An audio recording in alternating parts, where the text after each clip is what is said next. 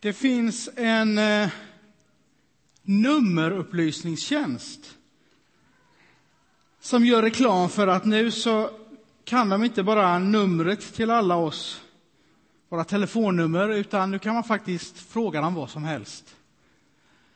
Och eftersom jag hade frågan, dagens predikotema klingande i huvudet, så tänkte jag ta en liten genväg och skicka frågan, vem är Jesus? Dit. Eh, vem är Jesus Kristus tänkte jag, jag får förtydliga mig lite. Och det tog inte många minuter förrän jag fick svar. Och svaret lyder så här. Lyssna nu noga. Det är han som i den påhittade religionen kristendomen ska vara frälsaren. Sagan säger att han levde för 2000 år sedan och gick på vatten och hade sig. Ja, kanske lite anmärkningsvärt tänkte jag när jag satt där på spårvagnen och fick detta svar. Kanske inte, fick jag inte så mycket hjälp ändå. Eh, men eh, det är inte helt omöjligt att det är en ganska så vanlig bild om vem Jesus är det här. Alltså, på senare år har det kommit ganska många bilder om vem Jesus Kristus är.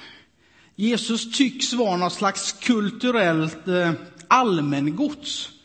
Alla måste få ha sin egen bild om Jesus och allas bild måste få vara lika relevant och får nästan inte ifrågasättas. Så tycks det mig vara. Och då frågar jag mig, men har det någon betydelse vad jag tycker och tänker och vet om Jesus då? Nej, egentligen inte. Om det är så att han är en sagofigur, påhittad liksom Mumintrollet. Men det är klart, om han å andra sidan är en verklighet som det till och med går att ha en relation med idag, då skulle ju svaret bli, ja det är ju väldigt viktigt vad jag tror och tycker och tänker om Jesus. Så låt oss ägna några minuter åt denne Jesus Kristus Eh, och låt oss använda hans två namn för det. Och Kristus, det är ju det grekiska ordet för det hebreiska Messias och det betyder den smorde, alltså den utvalde, den man väntade på, någon som skulle vara sänd från Gud som är utöver det vanliga, inte bara vanlig. Men vi börjar i andra änden, i Jesus, ett helt vanligt tilltalsnamn i antikens Mellanöstern. Och då skulle jag vilja påstå att det finns ingen seriös forskare eller historiker idag som förnekar att Jesus har funnits som en person. Och för att ha varit en enkel snickare som skolade om sig och blev en vandrande predikant så finns det en hel del skrivet om honom. Också i andra eh, texter än de bibliska texterna. Så vi kan väl börja i den änden. Romersk historia, alltså myndigheten i, i, i Mellanösterns, eh, antiken, eh, de, de, de, skrev också lite grann om, om Jesus. Den romerska historikern Tacitus han skriver ungefär runt år 115 om Jesus. Inte så mycket, men han skriver om att Pontius Pilatus han avrättade en Kristus på sin tid och han skriver om denne Kristus efterföljare som fortfarande fanns kvar, det som vi idag kallar kyrkan. Sen har vi den judiska historikern Josefus som skrev om judarnas långa historia. Han skrev om många tusen år. Han föddes ungefär när Jesus korsfästes och skrev sin historia ungefär när Johannes evangeliet skrevs på slutet av första århundradet. Och han skriver om Jesus att det den här Jesus han var en populär lärare, han var en undergörare och han korsfästes av Pontius Pilatus. Sen har vi de judiska religiösa skrifterna. Talmud kallas några av dem. Och där kan man läsa om Jesus. Där kommenteras ju hans undervisning och hans sätt att, att tolka det gamla testamentet. De skriver om att han avrättades dagen före påskhögtiden, som ju är viktig i religionen. De, man skriver om Jesus att han var en ledare och att han var en magiker. Och så skriver man om Jesu efterföljare, om kyrkan. Så sammanfattningsvis skulle man kunna säga att, att även om vi inte vi hade någon bibel, några nya testamentliga texter, så hade vi kunnat veta att Jesus fanns i Palestina för runt 2000 år sedan. Han var en kringvandrande predikant som fick en hel del efterföljare som avrättades och vars efterföljare inte släppte tanken på honom utan fortsatte att leva vidare som om han fortfarande fanns. Det skulle vi kunna säga. Men nu har vi vår bibel, nu har vi våra nya testamentliga texter. Och där står ju givetvis det absolut mesta och mest uttömmande om denne Jesus.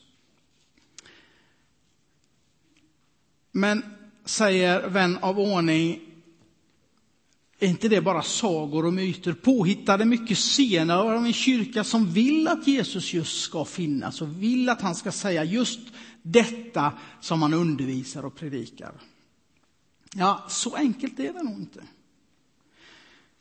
Före detta rektorn på Wycliffe Hall i, i Oxford, eh, R.T. Frans, han säger så här. Trots stora skillnader från skepticism till konservatism finns idag ett generellt konsensus bland forskare att våra fyra bibliska evangelier är riktiga historiska redogörelser för Jesus från Nasaret. Låt oss slå upp vår bibel till Lukas evangeliets allra första början på sidan 723 för alla er som har en sån här röd lånebibel. 723 och så läser vi de allra första verserna här.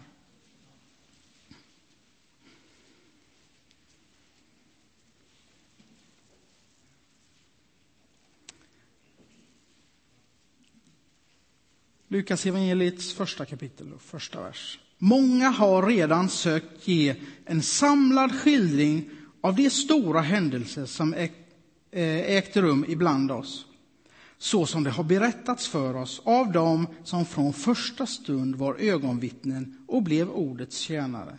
Och efter att grundligt ha satt mig in i allt ända från början har nu också jag beslutat att i rätt ordning skriva ner för dig, högt ärade Teofilus, för att du ska förstå att de upplysningar du har fått är tillförlitliga.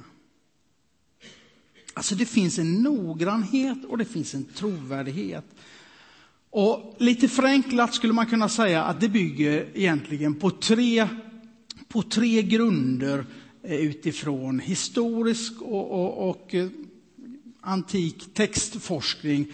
Det handlar om den muntliga traditionen, om, om, om tiden för skrifterna och om antalet dokument. Man skulle kunna säga så här att det är klart att allting som hände runt Jesus Kristus berättades det mycket omkring. Det var inte i första hand en skriftlig kultur Jesus vandrade omkring i, där man bloggade och skrev ner och skrev tidningsartiklar om allt som hände, utan man berättade och man återberättade. Och för 200 år sedan kanske man skulle sagt att ja, det, är, det är som viskleken, när man viskar till varandra i varandras öra så ändras historien när det där man viskar går runt bordet och så när man hör den sista så är inte meningen som man viskade den första sig lik det minsta lilla. Men så så forskar man lite och så funderar man på hur, hur, hur var den här kulturen som inte använde skriftliga språket så mycket? Hur, hur använde man, hur skickade man vidare sina historier? Och så kom man fram till att man använde något som kallades eh, controlled informer tradition. Jag har inte försökt översätta det, för det handlade mer om någon slags öppenhet. Förutom då att historierna och berättelserna om Jesus är alldeles fulla av referenser, av namn, om släktskap med varandra, om yrken, om platser, om myndighetspersoner, om tidpunkter, om både romerska och judiska eh, ehm, eh, myndigheter och, och, och sådär. Så, så, så, att man faktiskt kunde kolla upp det och det gjordes i en tid när, när folk levde kvar så var det så att de här berättelserna i kulturen skickades vidare på ett sätt där man faktiskt, lite mer som det kanske går till när man berättar om semesterminnen vid en, vid en släktträff. Man fyller i och man rättar varandra och man lägger till och man drar ifrån och till slut, efter en stunds berättande, så har man kommit fram till det var nog ungefär det här som hände. På det sättet eh, kvalitetssäkrades de här berättelserna om Jesus Kristus. Och man såg till att det som berättades faktiskt stämde överens med alla de som, som var ögonvittnen till det, som Lukas talar om, alla de som han hade pratat med. Den andra viktiga aspekten på trovärdighet i Nya testamentets texter, det handlar om tidpunkten från händelsen tills det skrivs ner. Antik historia generellt sett, där skrivs historia ner från kanske ett par hundra till uppåt tusen eller femtonhundra år efter en händelse. Eh, och de betecknas ändå som väldigt trovärdiga, för man vet att den här muntliga traditionen lever vidare. När det gäller Nya testamentets texter så är spannet någonstans mellan 30 och 70, 80 år kanske mellan händelsernas eh, utspelade sig och, och, och tills dess man faktiskt skrev ner dem. Och I det perspektivet, utifrån ett forskningsperspektiv, så är det helt försumbart. Eh, det är också så att de tidigaste avskrifterna i mångt och mycket av den antika historien kanske är 5 till 1500 år äldre än det de skrevs ner. Alltså man har gjort kopior och kopior och sen så har det tagit 1500 år, sen så har man kvar ett original. När det gäller Nya testamentet så har vi fragment av texter som är nästan lika gamla som de som skrevs ner. Och vi har hela Nya testamentet som är ungefär 300 år efter det skrevs ner. Och, och så däremellan, 150-200 år, finns det en förfärlig massa texter, eh, delar av Nya testamentets texter som är. Och det är också i, i sammanhanget helt försumbart uh, och, och jämförbart med, med det allra mest trovärdiga av historiska texter. Så Sen när det gäller tidaspekten så finns det inga texter som är närmelsevis lika goda, eh, underbyggda historiskt sett som våra nya testamentliga texter. Det tredje och sista när det gäller att, att skapa trovärdighet eller undersöka trovärdighet av, av historiska texter, det handlar om hur många texter finns idag. Man kan ju ha gjort fel och man kan ju ha ändrat i de texterna som man har skickat vidare. Och ju fler texter man har, ju mer kan man jämföra och ju, ju enklare kan man rekonstruera det som den ursprungliga författaren verkligen har velat säga. Eh, någon har sagt att en, en, en vanlig antik grekisk författare har någonstans mellan en handfull och 20 exemplar kvar av sina, av sina eh, verk. Och de kanske är någonstans mellan 500 och 1000 år eh, eh, senare än då de skrevs. Och många storverk som vi fortfarande litar till och håller högt finns det bara något enstaka exemplar av. När det gäller Nya testamentets texter så vet många av oss att det finns massvis. Den senaste siffran jag läste, som är ett par år gammal, det är att det finns ungefär lite drygt 5700 texter på grekiska.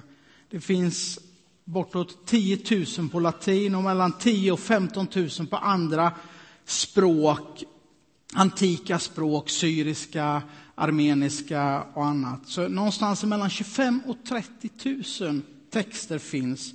Och räknar man med citaten, bibelcitaten i riktigt gamla andra skrifter, kyrkofäder och andra kyrkoledare, så finns det över en miljon bibeltexter. Att vända och vrida på, att lyfta på, att kontrollera för att få fatt på, den, på originalet av historien om Jesus Kristus.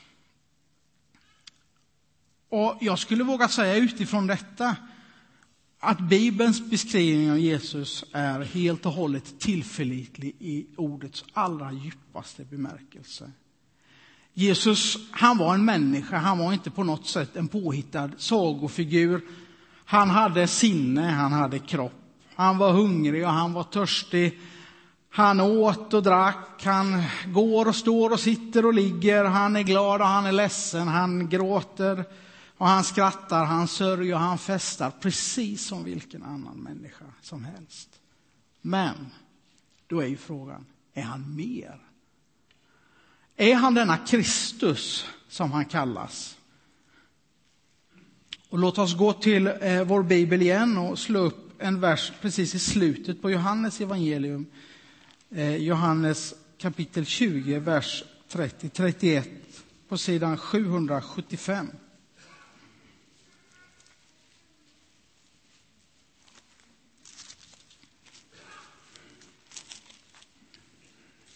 Här är han helt öppen, Johannes, med varför han skriver sitt evangelium. Det finns ingen alls dold agenda. Johannes evangeliet kapitel 20, vers 30 och 31. Också många tecken som inte har tagits med i denna bok gjorde Jesus i sina lärjungars årsyn.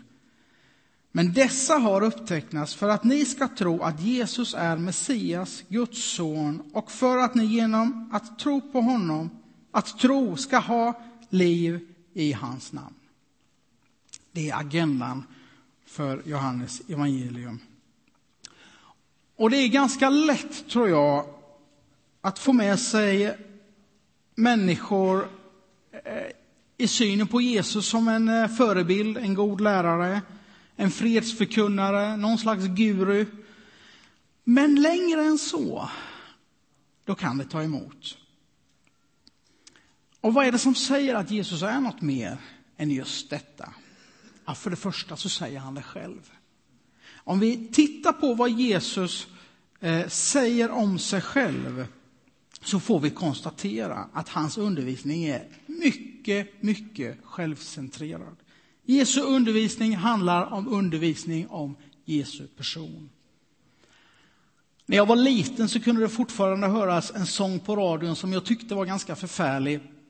Jag tror hon hette Sara Leander som sjöng Vill du se en stjärna så se på mig. Eh, jag vet inte varför jag tyckte den var förskräcklig, jag var väl för liten. Eh, men vad Jesus säger är ungefär, vill du se Gud så se på mig. Han säger, jag är livets bröd. Den som kommer till mig ska aldrig hungra. Den som tror på mig ska aldrig någonsin törsta. Jag är världens ljus. Den som följer mig ska inte vandra i mörker utan ha ljus. Jag är uppståndelsen och livet. Den som tror på mig ska leva om han än dör. Kom till mig alla ni som är tyngda av bördor. Jag ska skänka er vila. Stora ord om sig själv.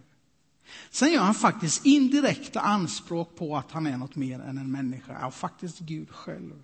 Han förlåter synder. Det är klart, det är ett begrepp som kanske inte vi bollar med så där förfärligt mycket dagligdags, men i sin samtid så gav detta enorma reaktioner, för bara Gud kan generellt sett förlåta synder.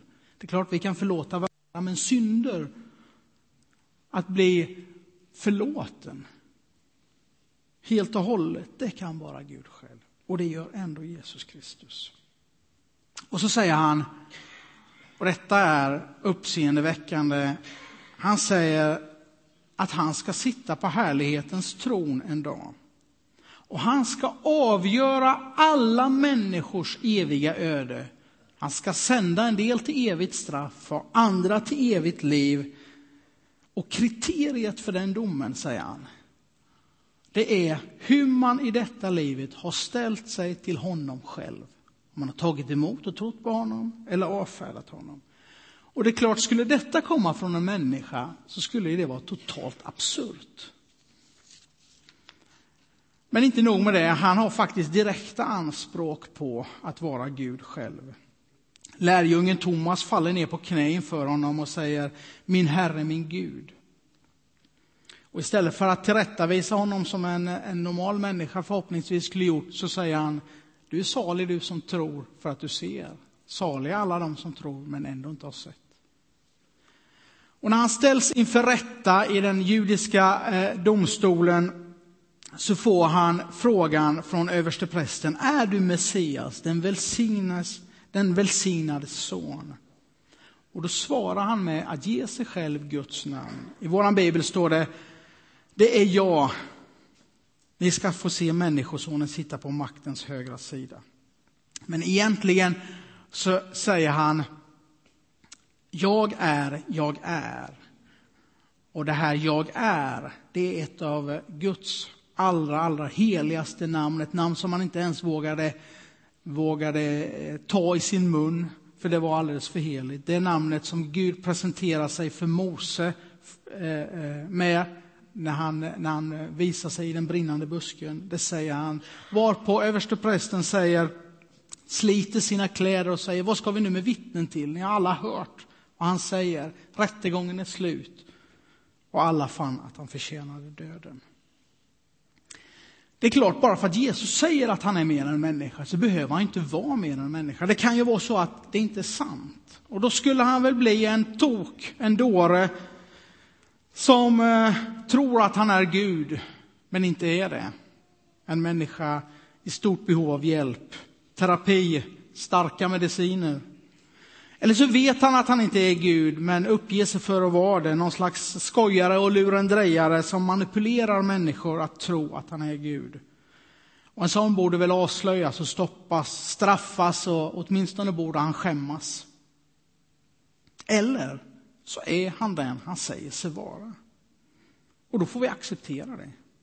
Då får vi ta honom på fullaste allvar och då är väl budskapet om honom det allra viktigaste som finns. Så vad talar för att han faktiskt är Messias?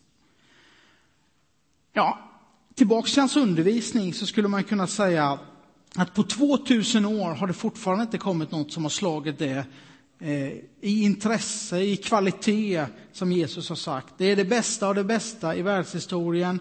Predikan, bergspredikan är älskad av alla från den vanliga kristna till Mahatma Gandhi och, och Dalai Lama eh, som det bästa. Det är mer citerat, älskat och trott och översatt än någon annan undervisning i världshistorien.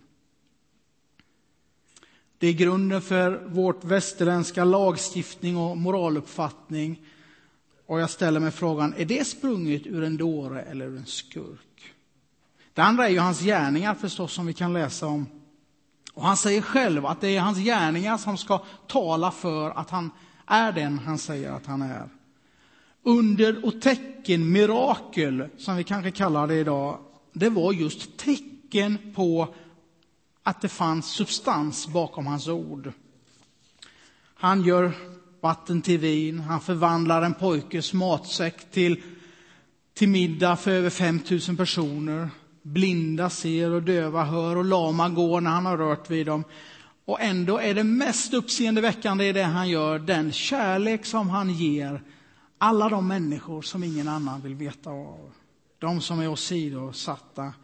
Och till sist ger han sitt eget liv på ett av världens grymmaste avrättningssätt. Och när han hänger där så ber han för dem som har avrättat honom. Fader, förlåt dem. De vet inte vad de gör. Är det så en dåre, en tok eller en lurendrejare gör? Eller hans karaktär. Jesus gav uttryck för fullkomlig osjälviskhet, men inte självömkan, ödmjukhet, men inte svaghet, glädje, aldrig på andras bekostnad, vänlighet, men inte undfallenhet. En psykolog jag läste som hade gjort en utvärdering av Jesus säger att som människa var han mycket väl fungerande, balanserad och mogen. Är det karaktären hos en psykiskt sjuk, desorienterad person eller en ond manipulatör? Går vi tillbaks i historien så har det sagts mycket om Jesus också innan han kom. Vi kallar dem profetier, förutsägelser om Jesus och den allra tjusigaste som jag vet finns ju i Jesaja 53 där det beskrivs om en lidande tjänare som ger sitt liv för att andra ska få livet. Men faktum är att det finns över 300 profetier om Jesus Kristus eh, i, nya, i Gamla testamentet. många av vilket han inte hade någon inverkan alls på sitt liv och han föds och hur han dör till exempel. Det finns ingen annan rörelse i historien som kan visa på, på profetier som, som, som förekommer dess grundare utom Jesus Kristus. Den starkaste dock beviset på att Jesus är den han, den han påstår sig vara, det är ju uppståndelsen. En extravagant historisk händelse. Och I en artikel som bara är något år gammal läste jag att det finns ett konsensus bland historiker och forskare om två saker. Det första att Jesus avrättades genom korsfästning och det andra är att Jesu efterföljare verkligen var övertygade om att han hade uppstått. Är det bevis för att det är sant? Ja, det är väldigt tydliga bevis för det. För det första så har någon sagt att lögnare är riktigt dåliga martyrer. Och martyrer det blev de nästan allihop av de tidiga lärjungarna. Och de om någon borde veta om det de predikade, sa och berättade var sant eller inte. De kunde mycket väl ha gjort det de började med, nämligen gått tillbaka till sina vanliga liv. Men så möter de denne Jesus Kristus igen, uppstånden, och någonting händer. De förvandlas från räddshågsna stackare till modiga martyrer som eh, satte allt på spel för det de var övertygade om. Det fanns motståndare, Paulus är väl den mest välkände, men också Jesu egen bror som inte verkade ha trott på honom, eh, Judas, som efter det att han mötte den uppståndne Jesus helt vänder på klacken och accepterar Jesus som Messias. Och första Korinthierbrevet 15 talar om att Jesus visade sig för över 500 personer. Många av vilka fortfarande eh, var vid liv och man kan kontrollera det när det skrivs. Man, man eh, vet om detta är lögn eller inte. Och det är hela tiden gemensamma upplevelser.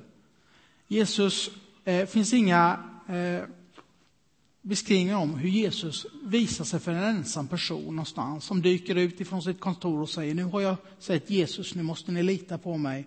Nu måste ni göra som jag säger. Nej, det är gemensamma upplevelser alltihop som man kan kontrollera med varandra. Man kan diskutera och, och, vända och vrida på och få uppfattningen. Vad var det vi nu upplevde? Upplevde du samma sak? Har jag förstått detta? Vad var det som hände nu? Och det borgar för att det inte är några påhitt, att det inte är några hallucinationer som inte alls funkar på det sättet, utan att det verkligen var Jesus Kristus de mötte. Myndigheterna känner sig också tvingade att hitta på någon slags eh, historia för att förklara den tomma graven.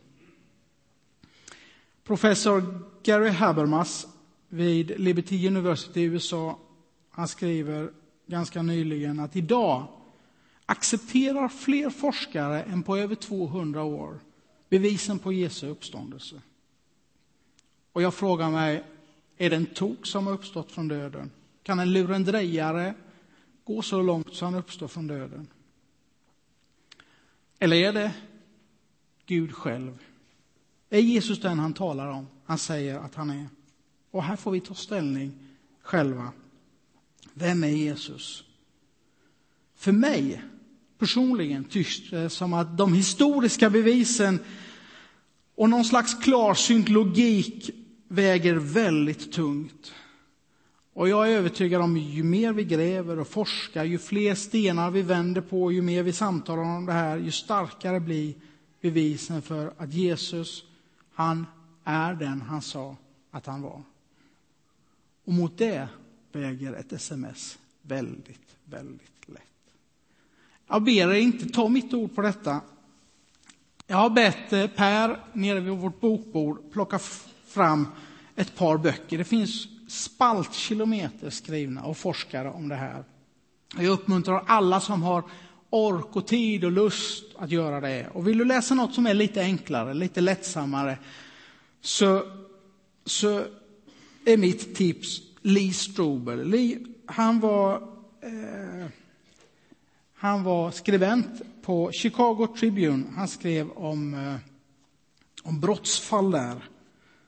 Eh, och han fortsätter i sin nya bana att skriva böcker om tron om Jesus Kristus. Och den första boken han skrev hette Fallet Jesus och den senaste han har skrivit heter Vilken Jesus ska jag tro på? Spännande och lättlästa böcker som aldrig förlorar sin, sin tyngd och sitt allvar. De finns nere på bokbordet om du vill läsa dem. Nu är det upp till dig och mig att göra vad vi vill med Jesus Kristus.